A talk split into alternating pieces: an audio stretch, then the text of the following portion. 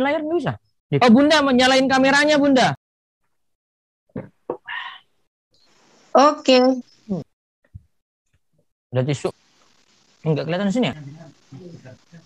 Terus? Sudah. Pin? Yang ngatur situ ya bukan sini ya?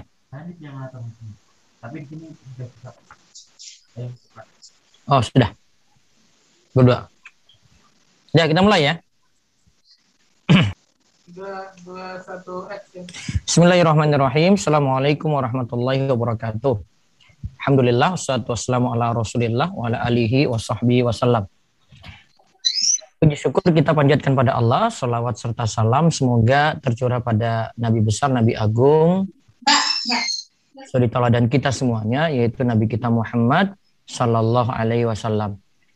Uh, pemirsa sekalian, rekan-rekan muda, peserta Biro Jodoh Rumaiso dan juga yang menyaksikan malam ini lewat Instagram yang Abdul Wasikal, ada juga di YouTube Rumaiso TV serta yang hadir pula di Facebook. Semoga Allah memberkahi kita semua dalam kebaikan dan kita senantiasa diberi taufik oleh Allah untuk berada dalam keadaan baik. Baik, malam ini kita akan diskusi nanti uh, acara kita pertama kita akan bahas tentang masalah jodoh. Jodoh itu tidak akan ke mana. Memang kalau sudah jodoh nanti akan dipertemukan.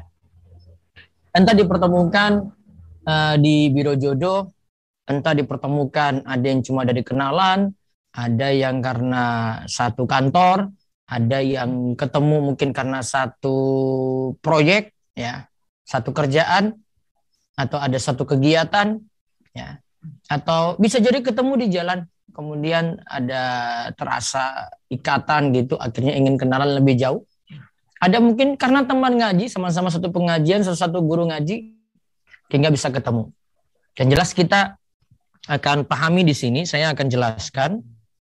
Um, ini materi terkait jodoh ya, mudah-mudahan terlihat jelas. Kita akan lihat tentang uh, perial jodoh, saya akan selalu ingatkan tentang takdir ini prinsip yang mesti kita pegang ketika kita memahami perihal jodoh, sama seperti rizki. Ya. Maka ayat-ayat yang berkenaan dengan takdir mesti kita imani dulu. Agar kita tahu hakikat jodoh, jodoh kita itu bagaimana. Coba kita perhatikan, uh, jodoh dan rizki itu sudah ada takdirnya. Inna kula khalaqnahu biqadar. Sesungguhnya kami menciptakan segala sesuatu itu menurut kodarnya, ada kadarnya atau ada ketentuannya. Al-Qamar ayat 49. Dalam ayat lain disebutkan faqadarna fani'mal qadirun. Lalu kami tentukan bentuknya maka kamilah sebaik-baik yang menentukan. Juga dalam hadis Jibril kita tahu namanya rukun iman itu adalah antuk minabillahi wa malaikatihi wa kutubihi wa rusulihi wal yaumil akhir wa tu'mina bil qadari khairi wa syarri. Engkau beriman kepada Allah, kepada malaikat, kepada kitab, kepada para rasul, kepada hari akhir dan juga kepada tak kepada takdir yang baik maupun yang buruk. Nah, lihat pada kalimat beriman kepada takdir. Kita mesti imani di sini. Entah kita dapat jodoh kita yang terbaik ya. Atau mungkin mendapatkan jodoh yang terbaik ini agak uh, butuh perjuangan keras. Ya. Ada juga yang effortless yaitu dapatnya kok rasanya gampang-gampang saja dapat jodoh ya? Ada yang perjuangan, ada dengan pertentangan dengan orang tua dan seterusnya. Nanti akan kita jelaskan di sini. Jelas kalau itu memang jodoh akan dipertemukan, namun ada yang gampang, ada yang dipersulit di sini. Dan ingat jodoh termasuk rizki ini yang kemarin saya sebutkan terakhir karena pengertian rizki itu adalah uh, segala sesuatu yang bermanfaat yang Allah halalkan untuk kita itu ada berupa pakaian, ada makanan, sampai pada istri juga itu termasuk rizki. Nah ini kata pepatah nih, atau orang-orang itu katakan gini, karena rizki telah tertakar dan jodoh tidak akan tertukar. Rizki sudah ada takarannya, artinya si A dapat berapa, si B dapat berapa, si C dapat berapa. Jodoh tidak akan tertukar, karena sudah ada ketentuan takdirnya. Ya, sama nanti kalau Bunda Liski dan tim nanti menjodohkan itu ya. uh, tidak mungkin uh, ini keluar dari takdir itu enggak mungkin. Itu sesuai dengan takdir Allah. Namun kita lakukan sebab di situ. Kita lakukan sebab, oh si A ini dijodohkan dengan si B, oh ini kayaknya face-nya cocok, oh ini kayaknya feeling-nya ini sudah ada nih, cocoknya dengan ini. Walaupun mungkin ada beberapa kriteria dan si ikhwan ini dapat beberapa pilihan akhwat atau kita sebaliknya, si akhwat ini dapat beberapa pilihan ikhwat. Uh, dan ini kami ingatkan juga kalau di Biro Jodoh Rumah Isa bisa jadi ikhwan itu nanti dijodohkan dengan beberapa akhwat yang nanti kita akan uh, jodoh uh, cocokkan ya. Ada juga bisa jadi sebaliknya, ada akhwat kemudian kita carikan ikhwan cocok untuk dia gitu. Kita bisa buat balik seperti itu karena sudah dibantu oleh sistem. Nah, kalau memang sudah jadi jodoh, uh, di sini ada yang lainnya lain sini ada uh, ada kata orang lagi, mau seperti apa pun kondisinya, mau sejauh apa pun jaraknya, kalau memang jodoh pasti itu akan bertemu. Nah, itu. Ini maknanya tidak bertentangan dengan takdir ya. Kalau jodoh ya Allah tetapkan ya sudah pasti akan ketemu. Ini juga usah terlalu um, kalau kita misalnya akhirnya nggak dapat nih akhirnya kecewa sulit move on, sulit bangkit. Jangan kayak gitu. Nah, jika dua orang ditakdirkan bersama, ini lagi ada kata orang nih ya, maka dari sudut bumi mana pun mereka berasal, mereka pasti bertemu. Ya, kalau sudah takdir ya seperti itu, jangan khawatir. Nah, ini yang kita mesti imani, ini saya perlu tekankan karena ini masalah akidah ya, ikhwan akhwat sekalian ya. Seorang muslim termasuk yang mencari jodoh harus beriman dengan empat tingkatan takdir. Harus beriman dengan empat tingkatan takdir ini. Ini yang biasa disebutkan oleh para ulama dengan uh, marotibul qadar. Tingkatan dari takdir. Apa maksudnya di sini empat hal mesti kita imani. Pertama kini bahwasanya semua itu Allah ilmui. Yang pertama ilmu. Berarti semua itu Allah tahu. Yang saat ini yang sudah di waktu lampau, yang akan datang, yang akan terjadi atau yang jadi seandainya itu terjadi. Ini yang pertama. Allah Maha tahu ingat itu. Allah Maha tahu. Maka kaitannya dengan jodoh bagaimana? Allah tahu jodoh kita itu seperti apa. Allah tahu mungkin ada yang dapat jodohnya telat. Allah tahu juga ada yang dapat jodohnya ya di mungkin dia habis kuliah langsung dia dapat jodoh bisa. Allah tahu ada yang dapat jodoh mungkin di usia 30-an atau ada yang baru dapat di usia 40-an, bisa. Semua sudah diketahui takdirnya oleh Allah. Allah Maha tahu kejadian-kejadian tadi. Kita manusia yang punya keterbatasan ilmu. Ingat ya, kita manusia yang punya keterbatasan ilmu. Kita nggak tahu masa depan kita gimana. Jodoh kita itu siapa nggak tahu. Bahkan mungkin kadang sepele saja. Eh, ternyata jodohnya dengan tetangga sendiri nggak jauh-jauh. Eh ternyata cuma satu kabupaten ya sama-sama Gunung Kidul. Padahal dia cari mungkin ke Jakarta dia cari ke Sumatera dia cari ke Kalimantan. Eh ternyata dapatnya di Gunung Kidul itu sendiri. Bisa ikhwan akhwat. Yang pertama yang ilmu yang kedua alkitabah semuanya telah dicatat. Jadi sudah ada pencatatan. Takdir kita itu sudah dicatat. Jodoh kita siapa sudah dicatat ikhwan akhwat sekalian sudah ada pencatatan di situ. Oh si A ini nanti jodohnya dengan si B. Ya, si A ini nanti uh, berapa lama nanti dia menikah dengan si B gitu. Oh si A ini nanti uh, ajalnya sampai ajalnya kedua pasangan ini Allah tahu juga. Sudah dicatat itu lengkap. Lalu yang ketiga ada al-masyiah. Al-masyiah yaitu kehendak. Artinya semua Allah kehendaki. Kalau apa yang Allah kehendaki, Allah kehendaki A, itu pasti akan terjadi. Kalau Allah tidak kehendaki maka tidak akan terjadi. Contoh misalnya ya, kalau dalam masalah takdir, kalau kita ditakdirkan, ya, kita ditakdirkan, ya, menikahnya nanti di bulan September ini, ya sudah terjadi itu. Ada yang ngalang-halangi, tidak ada yang bisa melawan kehendak Allah. Namun kalau kita sudah usaha di bulan September untuk menikah, namun Allah takdirkan ini tidak mungkin di bulan September. Ini yang ada nanti ditunda nih, nanti di bulan Januari. Ya sudah, kehendak Allah. Kehendak Allah yang menang, walaupun kita punya usaha keras apa pun. Sudah buat planning gini-gini gini, sudah pesan gaun pengantin gini-gini gini, sudah siapkan undangan gini-gini gini. Eh ternyata nggak jadi diundur. Bisa. Kehendak Allah yang menang.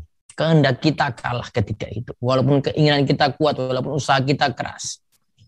Yang keempat, Allah khalaq penciptaan. Artinya segala sesuatu sudah jadi ya, diciptakan oleh Allah sampai perbuatan kita. Maka jodoh kita juga hasil ciptaan Allah. perbuatan kita hasil ciptaan Allah. Namun ciptaan ini hanya jadi ilmu bagi Allah. Kita tidak mengetahuinya, bukan ranah kita membahas itu gitu. Karena ini suatu perkara goib, suatu masa akan datang yang uh, kita belum tahu. Nah, balik berarti kita harus imani empat ini ya, ikhwan akhwat sekalian. Al-ilmu, al-kitabah, al-masyiah, al-qadar.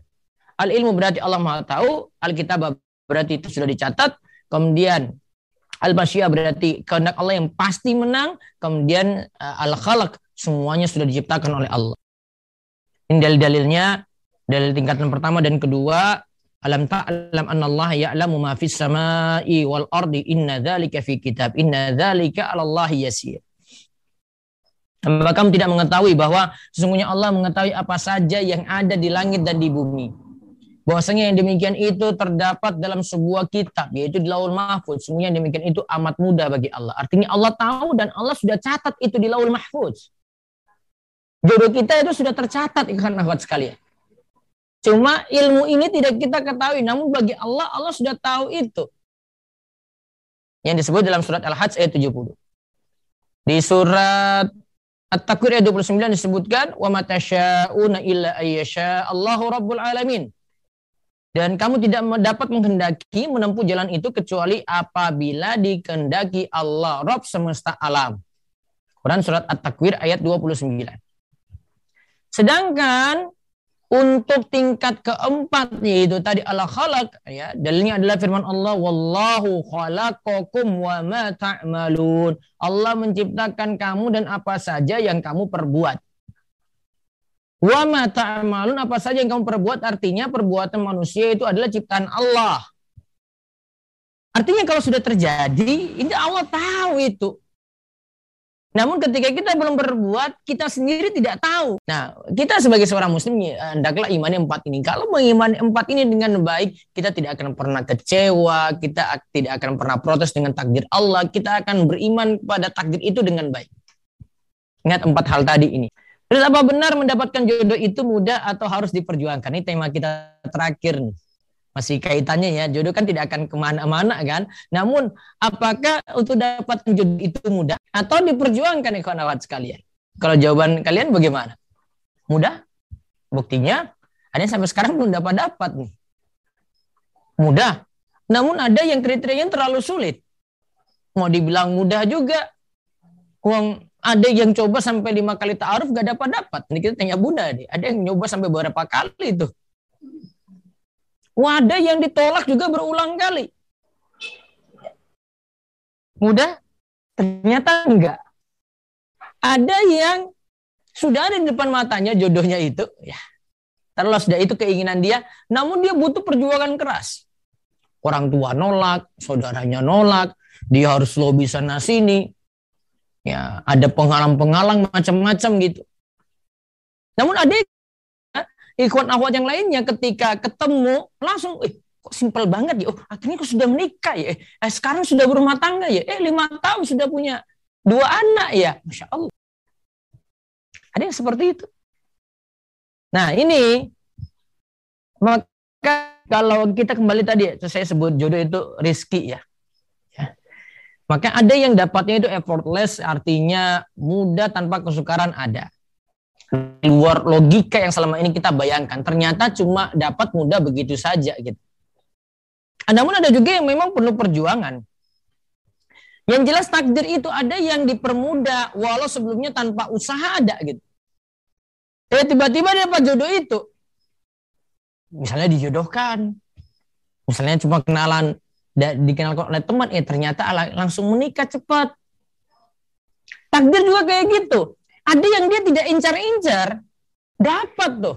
Seperti kisah Ali berikut ini ya. Ali itu, jadi eh, dalam perang Khaybar, itu Nabi SAW ingin memberikan eh, bendera kepada seorang yang nanti kalau dia diberi, berarti dia jadi pemimpin ketika perang. Kemudian dikatakan bendera ini akan diberikan kepada orang yang mencintai Allah dan Rasulnya, dan Allah dan Rasulnya pun mencintainya. Uh, para sahabat kemudian rebukan semua yang mereka bicara ini, ini kayaknya ini saya yang dapat deh. Ini kayak, ngomong lagi saya yang dapat deh. Ini lebih pantas saya yang dapat. Semua rebutan untuk dapatkan bendera tadi. Semua rebutan untuk dapat bendera itu ikhwan akhwat sekali. Namun apa ya yang terjadi ketika itu? Rasul tanya, Aina Ali? Mana Ali? Ternyata yang tadi hadir itu Rasul gak nanya. Rasul SAW nanya kepada siapa? Ali. Eh, mana Ali Ali? Ali mana? Para sahabat bilang, Rasulullah Ali itu sedang sakit, matanya itu sakit. Kemudian Rasul panggil Ali, mana bawa Ali ke sini? Rasulullah SAW usap matanya tadi, ya dengan izin Allah sembuh. Ya. Ikhwan akhwat ya, dengan izin Allah sembuh. Diberilah bendera tadi. Ali incar enggak? Enggak. Dapat bendera itu enggak? Iya. Kok gampang banget ya? Kita kan mikirnya kan, kalau dari hadis ini ya kita simpulkan ya, kita mesti beriman kepada takdir. Ada yang tidak berusaha, dapat itu. Ada yang tidak berusaha dapat. Tuh, ada sebagian cerita ikhwan itu dia nggak buat apa-apa, nggak nyari. Namun si ahwatnya WA gitu. Kirim pesan. Kayaknya saya tertarik padamu gitu. Si ahwat yang ngomong duluan ya enggak aib sih. Tapi awalnya memang ahwat tuh biasanya punya sifat malu yang besar. Ahwat nembak duluan, ikhwannya akhirnya mikir-mikir ya, ini kayaknya jodoh bagi saya nih. Saya maju aja deh. Ada. Dan nah, di sini juga jadi petunjuk kalau kita mesti tawakal. Allah yang tentukan itu. Allah yang tentukan siapa jodoh kita. Kita mesti pasrah pada Allah. Se ya, seperju eh, kita mau berjuang dengan usaha apa pun kalau memang Allah tidak takdirkan ya nggak bisa maka mesti tawakal situ ikhwan dan awat sekali Nah sekarang jadi masalah lagi, kan ini tadi yang saya singgung ada yang dipersulit dengan mungkin di tentang orang tua, di tentang keluarga, tidak disetujui ibunya, tidak disetujui ayahnya. Ada dua jawaban untuk ini. Yang pertama, kalau memang jodoh mau diperjuangkan, kalau memang jodohnya itu mau diperjuangkan, ya perjuangkan itu. Tapi ingat, jangan buat orang tua marah, jangan buat orang tua kecewa. Perkuatnya apa? Coba usahakan dengan doa dan nanti banyak melobi. Ya, di sini saya nanti tambahkan uh, teruslah berkuat doa dan banyak melobi ya, banyak melobi keluarga ya ikhwan awat sekalian ya. Banyak melobi keluarga. Mesti ada komunikasi di situ. Ingat karena apa? Yang namanya takdir ya. Itu dapat diubah dengan doa. Sebagaimana Nabi SAW katakan la yaruddul qadha illa doa wala yazidu fil umri illa bir. Tidak ada yang dapat menolak takdir kecuali doa dan tidak ada yang menambah umur kecuali kebaikan. Berarti yang bisa uh, merubah takdir itu doa. Nah kalau kita perhatikan ada juga doa Nabi SAW ya untuk minta diberikan takdir yang baik. Ya berarti memang uh, takdir itu ya bisa berubah dengan apa ya kita doa. Namun kalau kita sudah usaha lobby doa terus kita kencang ternyata tetap juga nggak bisa. Sekarang jawabannya yang terakhir. Apakah pantas jodoh itu diperjuangkan? Apakah pantas dia itu diperjuangkan? Keistimewaan dia itu apa sehingga terus memperjuangkan? Kalau tidak ada yang bisa diperjuangkan, ya ngapain kita uh, buang tenaga, buang waktu? Mungkin uh, akhirnya kita banyak menangis gitu, cuma gara-gara dia saja. Kalau memang tidak ada yang istimewa bagi dia ya, ya mungkin ini jawaban dari doa-doa kita. Dia bukan jodoh yang pas untuk kita.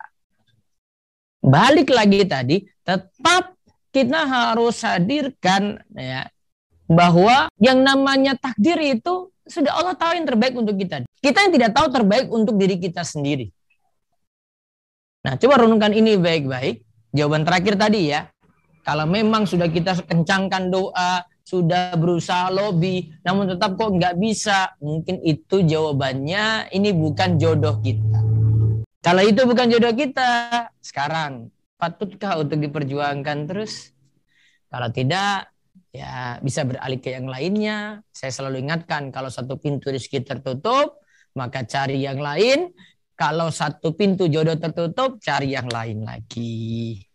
Wallahu alam bisawab. Mudah-mudahan manfaat untuk para ikhwan akhwat sekalian. Baik, kita langsung bertanya pada Bunda dulu. Silakan para peserta yang ingin bertanya, raisen dari sekarang nanti akan dibuka oleh Mbak uh, oleh Umi Hijaz. Terus uh, bisa lewat chat juga, mudah-mudahan kita akan baca ya. Baik. Bunda, dengar suara saya ya? Dengar, dat, nyimak. Sudah ngopi belum? Sudah, dat.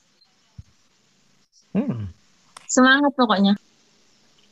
Ini lagi coba masakan Ambon. Jos banget. Sekarang masakan Ambon. Tadi Ah, seafood. Tadi seafood kan, sekarang yang menu Ambon. Kapan-kapan deh coba menu Ambon nanti. Kalau saya, kalau datang sini, saya suruh ibu saya masak. Janji lagi deh. Ya, saya kan selalu ini orang ngapusi. Tinggal besok saya ke sana langsung.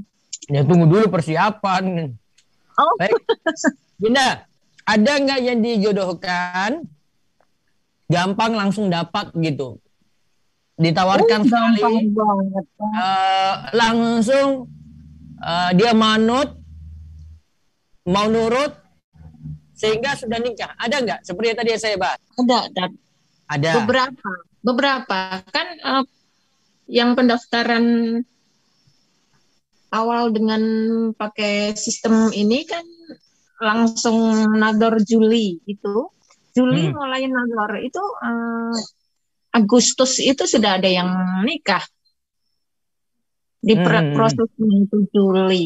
Agustus nikah. Dan itu Berarti beberapa. Iya, Ya, beberapa. muda. Masya Allah. Iya, mudah-mudah. Eh, yang ada juga yang eh, Sab hari ya Sabtu kemarin itu satu hari itu lima pasang yang ini satu hari loh, lima pasang yang eh, barengan khidbah Terus? dan satu yang menikah. Itu di hari Sabtu kemarin. Sat- Nah, itu cuma lima satu yang menikah.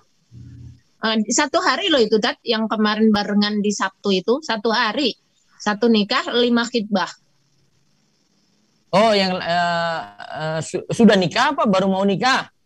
Eh, barengan barengan hari yang sama Sabtu kemarin Tapi satu mau nikah, yang yang lainnya hitbah.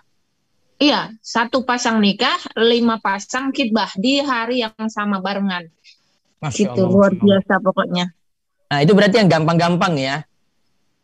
iya iya iya, memang itu yang gampang Ya, dan dan, Gampang. dan yang lebih Artinya ini apa eh, yang lebih eh, luar biasanya lagi itu semuanya yang hari itu khidbah itu anak asuhnya dari Umi Siti oh, Masya Allah itu ya. anaknya Umi Siti semua kalau Eh. yang menikah itu anaknya Umu Azam Ah, Masya Allah. Ya, berarti tadi kesimpulan kita betul, eh, saya betul tadi ya. Ada yang dipermudah gitu ya. Betul. Iya, iya, Contohnya betul. ada. Ada yang sulit enggak? Bolak-balik dijodohkan nggak dapat-dapat. Bahkan sampai sekarang belum dapat juga. Oh, itu nggak usah ditanya, Tat. Iwan-Iwan itu udah pada dasarnya emang sulit itu memang gitu. Jadi eh, Iwan-Iwan itu kalau disodorin yang kayak gimana pun CV-nya, itu kayaknya dia tuh nggak nggak butuh baca CV dulu gitu. Kayaknya, um fotonya dulu boleh nggak gitu. Ntar urusan CV belakangan gitu. Dan itu udah jadi yang eh, kayaknya udah hukum alam ya kalau Iwan itu kudu kudu yang bening-bening dulu gitu yang dilihat gitu Ustaz. Ya suruh awatnya pakai yang bening-bening juga lah. Nah itu kudu awalnya juga harus pinter-pinter berstrategi gitu emang Tat. Iya kan nah, namanya mobil kalau lecet itu kan masih bisa diperbaiki. Mobil lecet, mobil aja bisa. Ah, Iya. Jadi Iya. karena apa di dempul dikit aja itu sudah bisa tuh. betul ya. Iya, apalagi sekarang dengan makeup makeup macam-macam, tinggal si Iwan aja sih. Nah terus ada yang eh itu tadi berulang kali ya, itu I- Ikhwan tadi ya. Ada yang berulang kali dijodohkan akhirnya dapat, ada nggak? Iya, karena memang em, mereka ya ya alhamdulillah gitu. Ternyata memang gini loh Ustaz, yang banyak nikah, eh, yang banyak eh, menolak itu Ikhwan-Ikhwan yang banyak menolak itu Hmm. kan pada dasarnya karena mereka itu biasanya punya eh, nilai plus-plusnya gitu. Siapa sih yang nggak mau sama gue gitu mungkin pikirannya gitu. Jadi seolah-olah nolak yang ini ntar juga bakalan yang eh, ada lagi kok yang mau gitu. Terus Dia ya alasan dia itu apa sih dia itu? Secakap Ya. apa dia itu?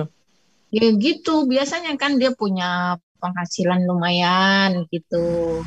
Terus juga ya tampang-tampang yang memang eh, Lemince ya. yang gitu deh. hmm. Terus ya mesti dia tolak yang ini, tolak yang ini gitu. Tapi Siapa akhirnya ujung-ujungnya ada yang nikah juga. Ya, akhirnya dapat dapat juga gitu. Dapatnya yang sesuai keinginan dia atau ah sudahlah terpaksa ini saja deh. Enggak dong, pasti yang yang memang sesuai gitu. Pasti hmm. yang sesuai. Kalau dapat itu rata-rata uh, semuanya yang sesuai gitu, enggak ada yang kepepet Oke, jadi yang di YouTube ataupun yang di Zoom ya bisa melihat tadi ya. Jadi sebenarnya ada jodohnya itu bukan kita. Kalau tadi saya bahas itu diperjuangkan ya. Artinya dia pingin itu, dia perjuangkan itu. Tapi yang ke realita kita temukan ternyata kita sendiri persulit gitu. Ya akhirnya ya kalau mau nunggu ya sudah nanti tunggu beberapa kali ditawarkan lagi kalau di jodoh ya. Iya. Baru akhirnya itu dapat. Ya, mungkin bisa sekali, ada yang dua kali, ada yang tiga kali, ada yang sampai lima kali juga ada. Berkali-kali itu ada. Iya. Bahkan kita jadi happy sekali kalau dengar ada yang akhirnya ujungnya alhamdulillah dapat juga gitu. Kita kadang surprise banget itu, bahagia banget. Ya karena memang sulit tangani itu. Nah, ini pembahasan kita mudah-mudahan paham. Jadi kembali lagi bagaimana ini? Yang jelas kalau yang dipermudah, alhamdulillah itu takdir Allah yang memudahkan kita. Namun kalau ada yang dipersulit, mungkin juga Allah itu punya maksud lain di balik itu. Ada hikmah-hikmah lagi. Mungkin kita nanti dapat yang lebih baik, ada. Mungkin kita harus banyak bersabar, banyak menunggu sehingga banyak berdoa, ada. Ada yang kita uh, akhirnya harus punya waktu untuk terus memperbaiki diri ada ada sebab-sebabnya kayak itu. Jadi ambil hikmah baiknya aja. Positive thinking pada Allah. Kita husnuzon pada Allah supaya ya kita tidak banyak kecewa gitu. Kalaupun akhirnya belum dapat seperti itu ya sudah move on nanti ganti lagi dengan yang lainnya. Mudah-mudahan uh, Allah beri yang terbaik. Baik kita buka tanya jawab aja Bunda ya. Iya, siap. Mau ijaz mau baca yang di chat? Ada nggak di chat? Yang di chat nggak banyak sih Ustadz pertanyaannya, cuman ada beberapa yang tanya uh, minta filenya Ustadz. Yang file tadi belum? Nanti tadi ya, jadi buku. Belum. Belum, belum. Oh. Belum boleh saya share. Nanti saya jadikan utuh dulu. Biasanya saya masukin di website atau nanti jadi buku. Baik. Ada yang kaitannya dengan ini tim BJ, ada yang kaitannya dengan sistem BJR nggak? Ada yang nanya? Ada Ustadz ini satu pertanyaan hmm. uh, dari Nurika. Ya. Izin bertanya, sistem seluruh peserta BJR sudah mendapatkan calon apakah seluruh peserta BJN sudah mendapatkan calon dan tinggal menunggu bank belum ditemukan calonnya secara sistem sehingga perlu diubah lagi di website. Khairan. Bunda, jawab Bunda. Jadi dia dapat uh, jadi dia belum dicocokkan tuh atau mungkin kriteria dia yang mesti diubah atau bagaimana Bunda? Mungkin Bunda paham. Oke, start. Jadi um, memang di kriteria itu harus di disesuaikan gitu sebenarnya. Tapi kalau memang agak sulit gitu di uh, sudah diproses kok tidak menemukan kecocokan, memang ada yang harus dirubah dari uh, kriteria tersebut supaya nanti dapat kecocokan. Jangan takut untuk menurunkan uh, kriteria, jangan takut untuk mengubah karena apa? Uh, CV yang masuk itu itu hanya sebuah uh, jalan di mana di mana jalannya itu harus dilalui. Umpama di situ kok ada uh, ada hambatan gitu. Hambatan itu singkirkan dulu. Karena apa? Jangan takut tadi ya, jangan takut untuk rubah ke kriteria CV. Itu karena nanti di di dalam proses itu ada ada yang namanya kompromi-kompromi gitu. Hmm. Dicoba dulu, dicoba dulu. Nanti toh nanti akan uh, dicocokkan oleh uh, tim gitu. Akan dipandu, akan dicocokkan hmm. oleh tim yang jelas kriterianya saja dulu uh, kayak kayak se tadi saya sampaikan ahwat ini ahwat ini harus pinter-pinter berstrategi gitu gitu jadi kita kita uh, ya, ya begini gitu karena halo jaringan di kita apa ya jaringan di bunda iya Umu Ijaz masih masih aktif? Masih Ustadz. Sepertinya Bunda Liski nggak ada sinyal. Aduh. Baik. Itu uh, kayaknya ada yang masuknya ke saya ya, bukan ke Umu Ijaz ya? Apa itu Ustadz? Pertanyaan? Coba ada yang terakhir nih, kaitannya dengan Sipi, coba baca. Halo, halo Ustadz. Oke, ya. Ya, sinyalnya agak hilang-hilang. Ya, lanjut, lanjut.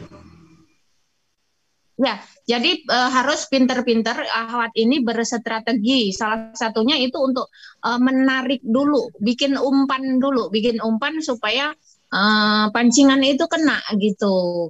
Uh, ya nggak perlu malu itu tadi ya kuncinya nggak perlu malu. Toh ini akan diproses dengan uh, kumi asuh gitu akan dibimbing diproses dan di situ nanti banyak kompromi-kompromi yang akan dicocokkan gitu jangan hanya uh, ibaratnya saya harus saklek begini gitu. Apalagi kemarin ada yang mengusulkan supaya suku itu dicantumkan gitu.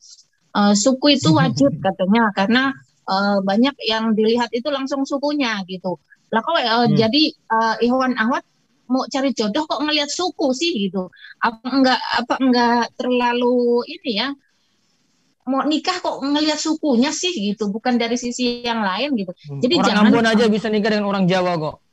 Nah gitu itu loh kemarin sampai ada yang tanya kayak gitu gitu.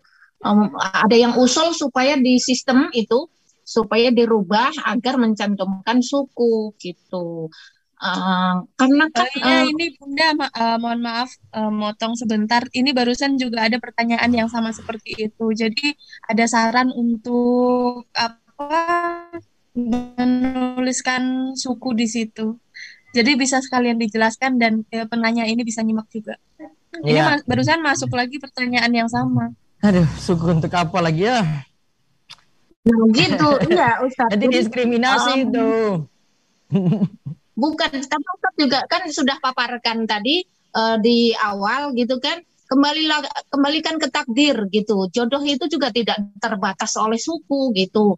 Uh, jadi uh, jodoh itu ke, bisa dari mana saja. Ya manusia itu boleh bermimpi boleh berdoa boleh berangan-angan boleh kemudian mau uh, bercita-cita pengen dari suku yang sama. Suku Sunda, suku Ambon, suku uh, Jawa boleh, tapi kalau itu uh, kemudian dijadikan patokan ya, ya memang akan mempersulit diri sendiri gitu. Sedangkan jodoh kan nggak bisa ditebak uh, jodohnya siapa gitu kan? Misterius dan jodoh itu, itu. Bukan, iya jodoh itu uh, dari kesesuaian kecocokan hati. Dan itu itu sudah jadi garis takdir yang nggak bisa di diubah-ubah gitu. Nah kenapa kita kemudian uh, pakem kepada kepada uh, keinginan sendiri bahwa uh, harus suku ini gitu. Bunda, mungkin beri contoh aja di Biro Jodoh yang baru jodohkan ini ada yang beda suku enggak? Bahkan beda pulau ada atau tidak? Iya banyak sekali Ustaz yang beda suku, beda pulau, beda negara gitu. Kan pada dasarnya memang mereka itu menikah itu mencari orang yang memang oh siapa sih jodoh saya. Nah, ini ini yang perlu dipahamkan itu masalah siapa jodohnya gitu. Siapa jodohnya gitu. Mau dari mana pun juga kalau itu sudah ditakdirkan menjadi jodoh yang nggak bisa ditolak gitu. Pokoknya tadi itu pemaparan Ustadz itu udah gamblang banget deh gitu. Uh, okay. kalau sudah ditemukan sama jodohnya itu nggak akan bisa lari ke mana-mana gitu. Dan uh, kalau memang kita memperjuangkan uh, seseorang yang dari suku yang yang diinginkan. Tapi kalau itu nggak jodoh ya nggak akan ketemu-ketemu gitu. Jadi kita akan sulit sendiri, akan memperpanjang masa tunggu, akan mengulur waktu dan uh, di situ yang kadang-kadang uh, orang kebanyakan kemudian terlambat menikah gitu. Jadi mohon untuk uh, lebih lebih dinamis saja deh gitu. Emang kalau nggak sesuku uh, itu yang nggak nggak bisa nggak bisa bahagia gitu. Baik, baik. Mungkin saya cukup uh, terus uh, Umu Ijaz bisa yang resen kayaknya. Baik Ustaz. Uh, silahkan untuk Abu Muhammad RP. Oh ini mana ya? Nggak bisa ya? Sepertinya. Atau Ami, Ami. Yang pertama itu Ami. Oh iya. Assalamualaikum warahmatullahi wabarakatuh. Waalaikumsalam warahmatullahi wabarakatuh. Silakan. Bu Ami, Ustaz. silakan. Mohon izin bertanya. Eh, memang jodoh itu kan takdir Allah ya. Kalau Iya. kalau misalnya kita tuh eh udah bertahun-tahun misalnya nggak dapat dapat dan itu disinyalir karena fisik. Kebanyakan laki-laki tuh mintanya yang cantik, putih, segala macam. Nah, ternyata si ahwat ini fisiknya misalnya kayak eh, ada yang kurang lah misalnya dia misalnya giginya nggak rapi atau misalnya atau apa gitu. Misalnya kalau giginya rap- nggak rapi itu apakah boleh dia eh, pakai behel Ustaz? Apakah harus tetap menunggu aja sampai jodoh datang menerima dia apa Bisa adanya? pakai sebab itu nggak apa-apa, masih masih syar'i. Artinya masih Eh, dibolehkan. Pakai behel itu masih bisa ya Ustaz? Ya cuma sekadar untuk merapikan ya. Mm-mm. Itu apakah tidak bisa disamakan dengan kayak Mempercantik diri. Enggak. Itu Merubah sa- ciptaan bisa Allah. sama- eh, eh, eh. Kan kalau eh, behel itu kan dia ada yang gigi yang dicabut misalnya kalau ronggos gitu kan dia dicabut terus buat narik ke dalam kayak gitu kan harus ada gigi yang cabut gitu. Tapi itu kalau dalam Islam gimana? Kalau bu- bukan tujuannya untuk mempercantik, artinya untuk memperbaiki boleh. Nah, kalau misalnya karena seringnya gagal ta'aruf, gagal nador tuh Nah, gini, ke jadi itu gimana Ustaz? eh, kita ini ya kalau dalam mencari jodoh itu cara apa pun pokoknya yang halal ditempuh. Seperti misalnya, ah, saya coba biro jodoh ini, biro jodoh A, biro jodoh B, biro jodoh C. Misalnya kalau mau tiga tiga langsung gitu ya, ya silakan. Atau mungkin eh, sebenarnya kalau mau belajar dari dari kriteria di biro jodoh, sepertinya orang itu ingin cari yang perfect gitu. Oh, mungkin tempat saya itu bukan carinya di biro jodoh. Ya, mungkin dengan kenalan, ada yang memperkenalkan gitu. Atau mungkin karena kita yang harus memperbaiki kualitas diri gitu. Kalau kualitas kita makin bagus, nah dipermudah. Yang tadi kurang-kurang tadi termaafkan jadinya. Iya Ustaz. Eh, soalnya kadang-kadang tuh misalnya di BJR misalnya udah udah ta'aruf. Nah, begitu nador tuh langsung pada mundur gitu kayak ya, habis lihat muka tuh udah kayak mundur langsung mundur kayak gitu loh Ustaz. Apakah cuma gara-gara fisik kayak gitu kadang-kadang tuh apakah laki-laki tuh kayak gitu eh ta'aruf aja misalnya ta'aruf cuma berapa hari udah lancar langsung nador. Begitu nador mundur, begitu nador mundur gitu. Eh, apakah Nah, coba itu- Bunda Bunda nanti bantu jawab coba. Bunda ini pengalaman. apakah prioritas kayak gitu loh Ustaz? Bunda, ada solusi Iya. nggak? Ya, Ustaz.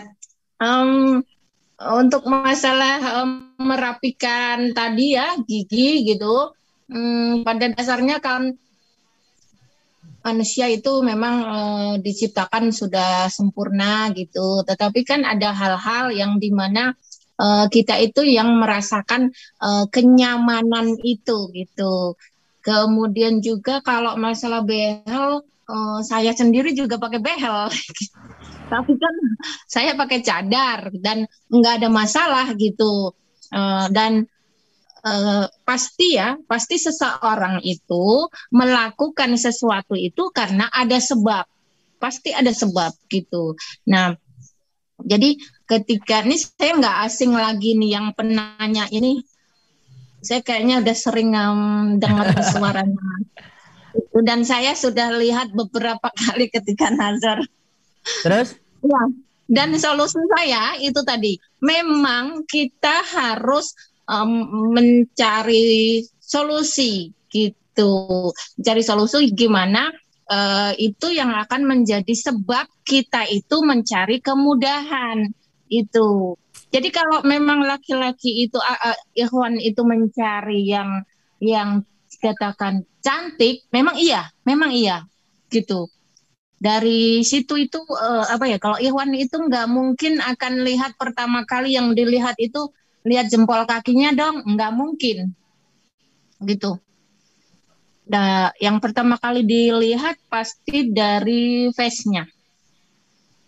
Nah di di situlah yang tadi saya katakan eh, tadi itu pandai-pandailah berstrategi.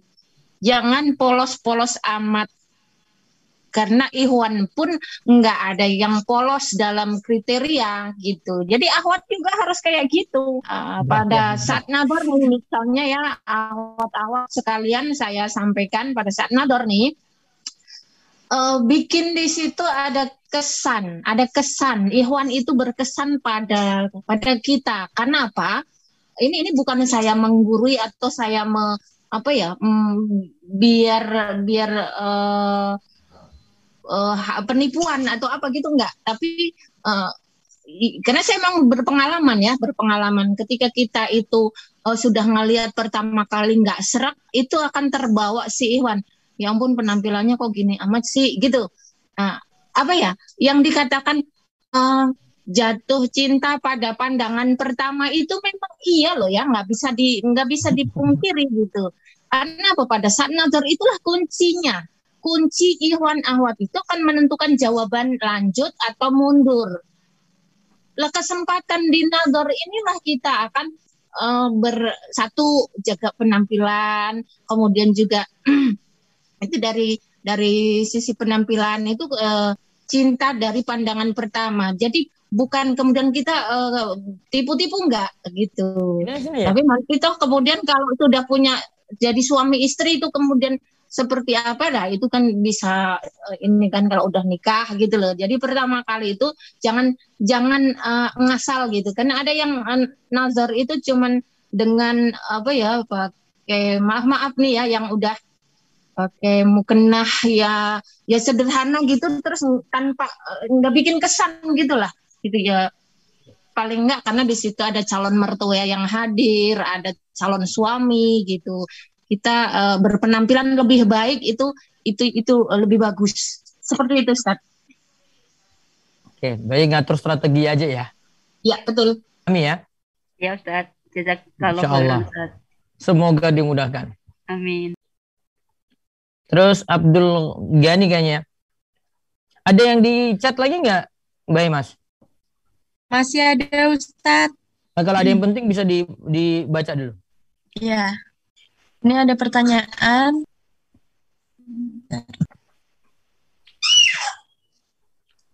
Assalamualaikum Ustadz Abdul Bunda Liski, Umu Hijaz dan tim izin bercerita dan tanya ya Ustadz, anak janda tanpa anak. Beberapa hmm. hari yang lalu anak ditawari Umu Dwi, hmm. dua ikhwan, semuanya duda punya anak satu, hmm. kodarullah orang tua inginnya anak dapat yang masih single. Jikapun dapat duda harus yang nggak ada anak. Di CV apakah tidak ada opsi bersedia menikah dengan duda tapi ada keterangan yang tanpa anak?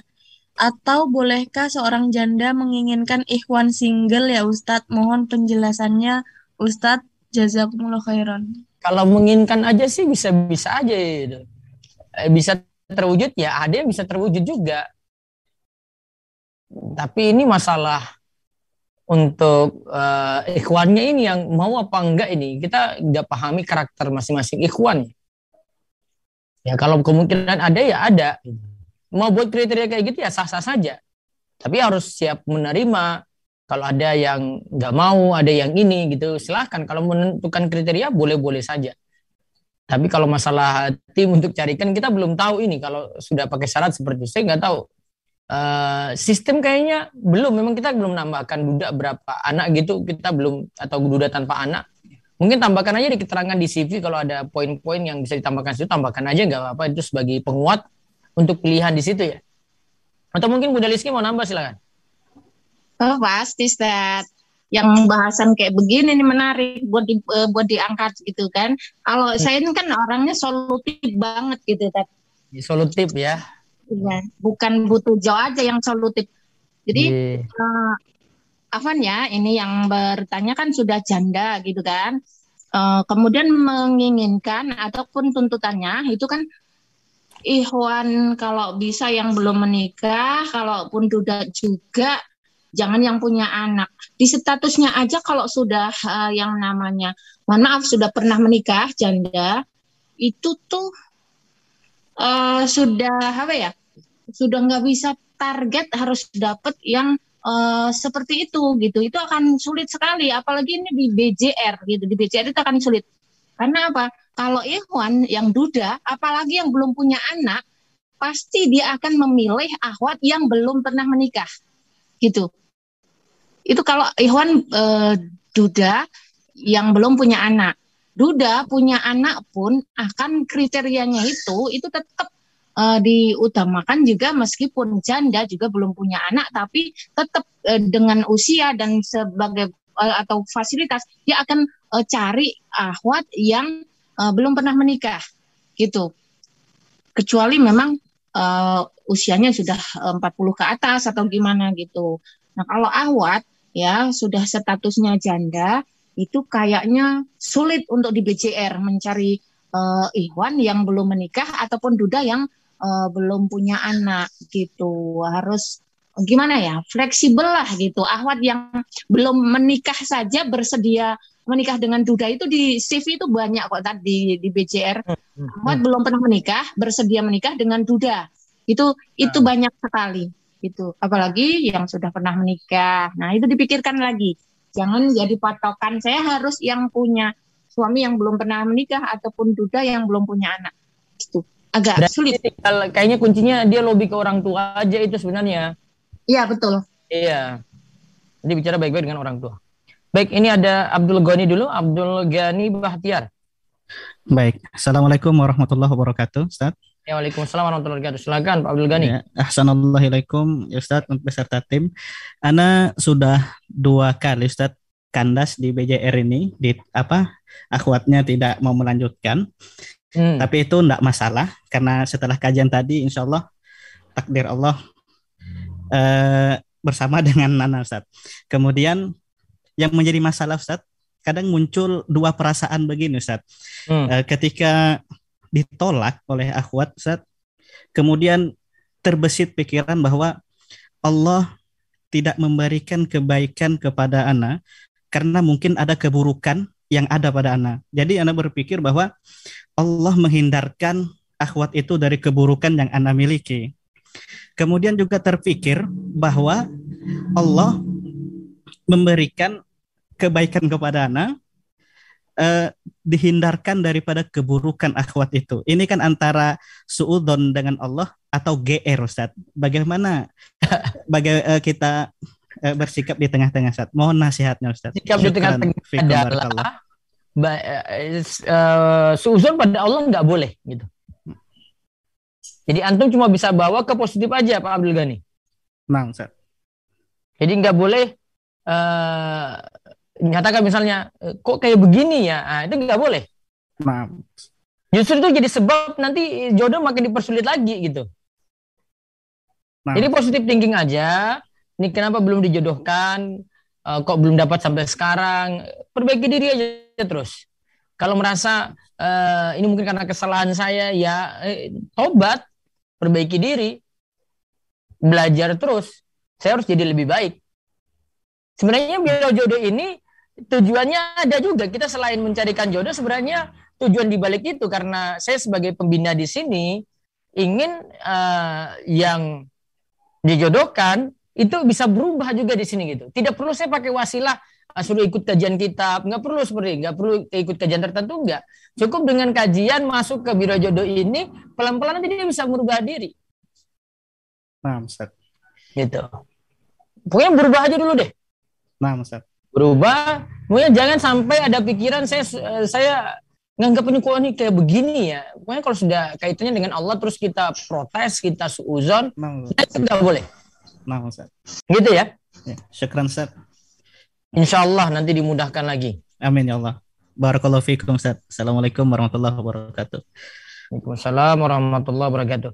Baik, ada yang dari chat lagi Ummu Hijaz? Ada Ustaz. Nah, kaitan dengan tim apa ini? Jodoh. Berkaitan dengan jodoh. Hmm. Uh, Ustadz, saya adalah seorang perempuan yang baru hijrah ke Manhaj Salaf. Saya hmm. seorang guru, kemudian saya diajak tahsin sama teman sesama guru. Setelah hmm. saya masuk kelas tahsin, ternyata Ustadz masih muda. Dan si Ustadz tersebut akhirnya suka sama saya. Hmm. Awalnya saya nggak tahu kalau si Ustadz itu sudah beristri. Ya, terus? Iya. Ternyata memang Ustadz itu sedang cari istri kedua. Dia menginginkan ya. saya menjadi istri kedua. Awalnya saya tidak suka, tapi lama-lama saya jadi suka karena seringnya perhatian dia yang diberikan ke saya. Saya kalah sama rayuannya dia. Dia lebih muda dari saya, Ustadz. Istrinya marah karena si Ustadz ini ngechat saya terus. Dan sekarang uh, saya sudah ada, menghindari. Ada pelanggaran. Menghindari, Karena Dan sekarang saya Wah. sudah menghindari chat, sudah tidak komunikasi lagi. Nah, ini ini karena ini timbul problem nih ya. ya. Nah, solusinya mudah. Ya, tanyakan saja ke orang tua apa boleh hubungan dengan laki-laki itu, terus tanyakan juga boleh nggak jadi istri kedua. Itu sebagai jawaban tuh. Kalau akhirnya kok ternyata boleh ya, ini kan urusannya dengan dengan si istrinya pertama tadi. Kalau akhirnya nggak boleh, berarti ada alasan untuk mundur.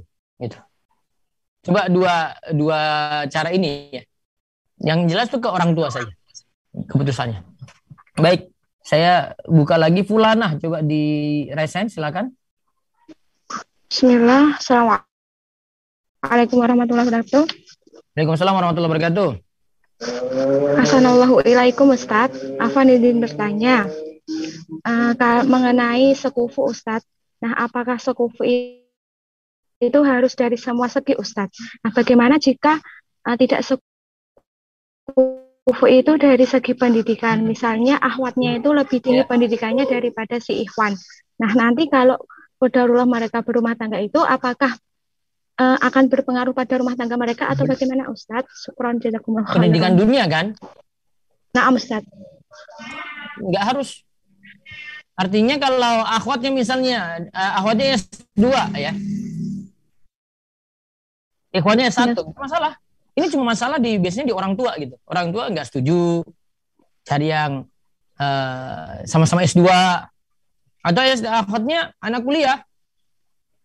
Ikhwannya maaf ya, lulusan SMA itu. Tapi mungkin dia mapan, tapi orang tua akhirnya nggak setuju. Nah ini cuma masalah lobby saja ini ke orang tua seperti apa. Kalau orang tua setuju, lanjut. Tapi kalau memang orang tua belum setuju dan itu patut diperjuangkan ya alasannya apa gitu. Ya, alasannya apa terus diperjuangkan. Nah, itu yang harus jadi dipikirkan lagi. Oh, nah Ustaz, berarti uh, dari segi agama dulu ya Ustaz ya? Ya. Itu sekutu yang paling pokok segi agama. Kalau masalah pendidikan kadang masih bisa di lobby gitu. Hmm. Baik Ustadz, jazakumullahu khairan. Assalamualaikum. Waalaikumsalam warahmatullahi wabarakatuh. Umu Ijaz ada yang lewat chat lagi? Sebetulnya banyak Ustadz yang lewat chat. Uh, salah satunya ini ada yang tanya lagi. Se- uh, dia tadi sudah price hand, cuman lagi ke belakang katanya. Ya. Abu Muhammad RP itu. Hmm, apa itu? Ya, silahkan. Halo, Assalamualaikum. Ustadz, suara saya jelas? Iya, Waalaikumsalam warahmatullahi wabarakatuh. Silakan, Pak. Sebelumnya saya bukan orang jomblo atau jombloan jomblowati. Saya termasuk iya. grup gaul yang kita bilang sebagai seorang poligame atau poligami, hmm. seorang ta'adud. Mau tanya Ustaz, untuk saya mau ada pertanyaan dan ada masukan nanti kepada tim IT dan bunda-bunda. Pertama saya mau tanya apakah saya berniat untuk menambah pasang itu sampai dua, tiga atau empat itu apakah sudah ada takdir juga dan gimana menjawab atau mencari tahu gitu apakah takdir saya memang hanya cuma satu atau bisa lebih dua, tiga atau empat? Takdirnya saya pun tidak tahu bapak takdirnya seperti apa. Dan boleh nggak saya berdoa agar nanti boleh saja. masuk ke jannah bersama ratu-ratu empat orang ratu itu bersama bidadarinya Ustaz apakah itu sesuatu yang berlebih-lebihan? Tidak juga. Atau oke okay, oke. Okay. Oke oke saja. Tapi bapak pun tidak okay. tahu takdir bapak itu istri berapa gitu nggak tahu. Karena yeah, itu masalah okay. saya, saya... secara masalah takdir. Ya, saya ada mau masukkan gitu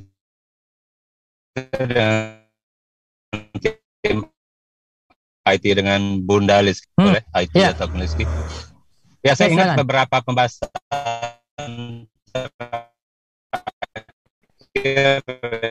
kita mengatakan kalau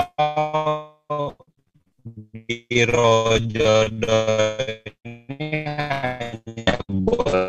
selama satu tahun gitu. Jadi saya udah Rizky atau IT, misalnya mau target nambah ya terus 8 tahun ke depan, jadi ada tambah R4 gitu. Mungkin ya, tiap request yang sudah menikah atau tangadut bisa diperpanjang gitu uh, Bunda. Biar kita bisa keanggotannya juga cuman bukan cuman satu tahun gitu ya. Kalau bisa punya target masing-masing dari ikhwannya mau sampai berapa gitu kita terus membernya di diteruskan gitu jangan sama hanya sampai setahun gitu Bunda sama tim IT. Itu aja sih maksud saya. Sebenarnya saya juga minta mohon doanya Ustaz biar kita yang grup Polygame atau Tadut ini bisa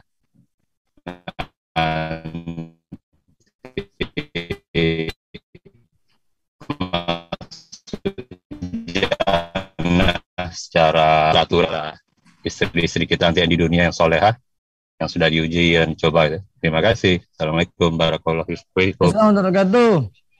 Nanti Pak Muhammad eh, mungkin ada yang ini Pak Muhammad, Abu Muhammad bisa nggak? Abu Muhammad, Pak Abu Muhammad? Iya, iya. Tadi udah di mute soalnya. Sudah Baik. diminta uh, doa saja. Mungkin uh, perlu di ini garis bawahi kalau jatah satu tahun itu untuk pengurusan angkatan pertama ini gitu. Seandainya mau lanjut, nanti dia masuk ke angkatan berikutnya. Dia tidak mengalami pengurusan lagi di angkatan pertama gitu. Artinya harus daftar lagi. Jadi daftar dan perlu biaya atau uh, iya. gitu? Uh, itu gimana? Iya betul.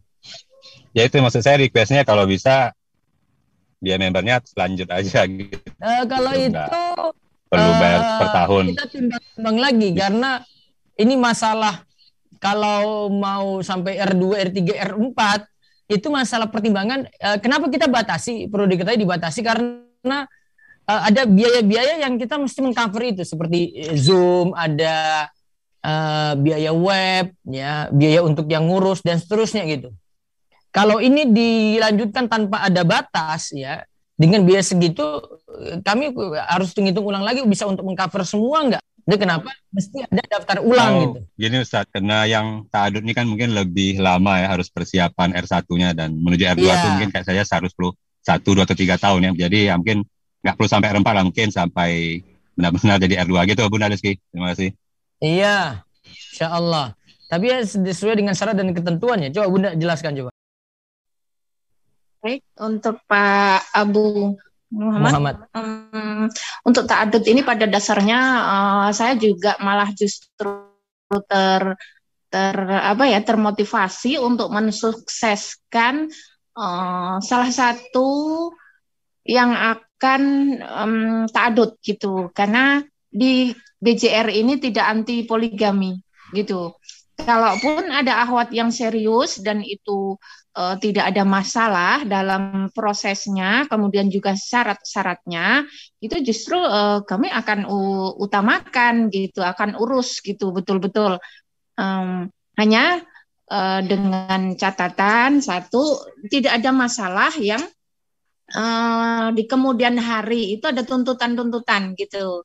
Jadi salah satu syaratnya ketika uh, Ikhwan ingin uh, ta'adud itu istri itu harus terlibat dalam proses gitu. Karena apa? Kita tidak mempersulit. Tidak mempersulit gitu. Kalau itu bisa dibikin mudah kenapa enggak gitu. Dengan catatan ahwatnya enggak ada masalah bersama keluarganya. Ahwat enggak ada masalah dengan keluarganya bisa menerima status itu gitu. Nah, itu akan kami prioritaskan untuk diproses gitu.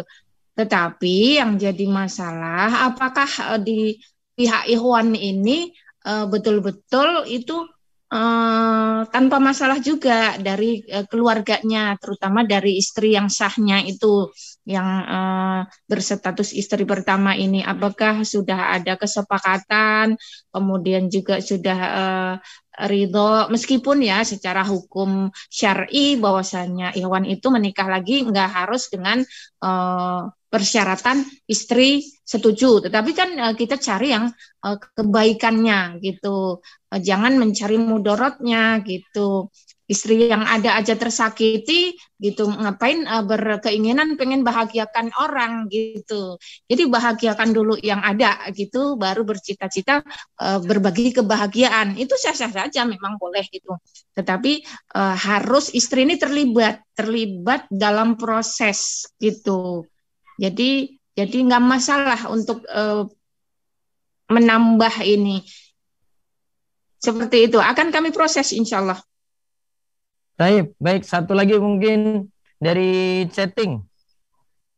Baik, Mas. Ya, Ustaz. Assalamualaikum. Saya ingin tanya, waktu satu tahun itu dihitung dari pendaftarankah? Apakah bisa menjamin bahwa setiap anggota dalam periode tersebut sudah diproses? Karena saya sendiri, Ahwat, sama sekali belum pernah dihubungi oleh pihak tim BJR. Entah memang CV saya ditolak terus oleh pihak Iwannya atau memang belum diproses saja. Nah, mungkin di belum diprosesnya ini Bunda Liski bisa jawab. Oke, untuk ahwat-ahwat ini yang uh, saya juga tekankan ke seluruh tim itu bahwasannya masa uh, berlaku ini nantinya uh, akan ada limit. Saya akan pastikan bahwasannya seluruh peserta itu pernah uh, diproses gitu jadi pernah diproses. Nah, entah itu menolak ataupun itu ditolak, artinya pernah berproses. Karena apa? E, jangankan yang satu tahun ya, satu ikhwan ya, baru hitungan bulan ini. E, Juli, Agustus, September. Ini baru belum tiga bulan genep ya. Juli aja kan baru mulai tanggal 12. Nah sekarang juga masih di pertengahan September. Jadi baru dua bulan. Dua bulan ini satu ikhwan itu sudah menolak empat akhwat. Ada kemudian juga du, satu ahwat menolak dua ikhwan itu juga ada gitu. Jadi uh, sudah di rolling rolling sudah diupayakan untuk uh, memproses mereka.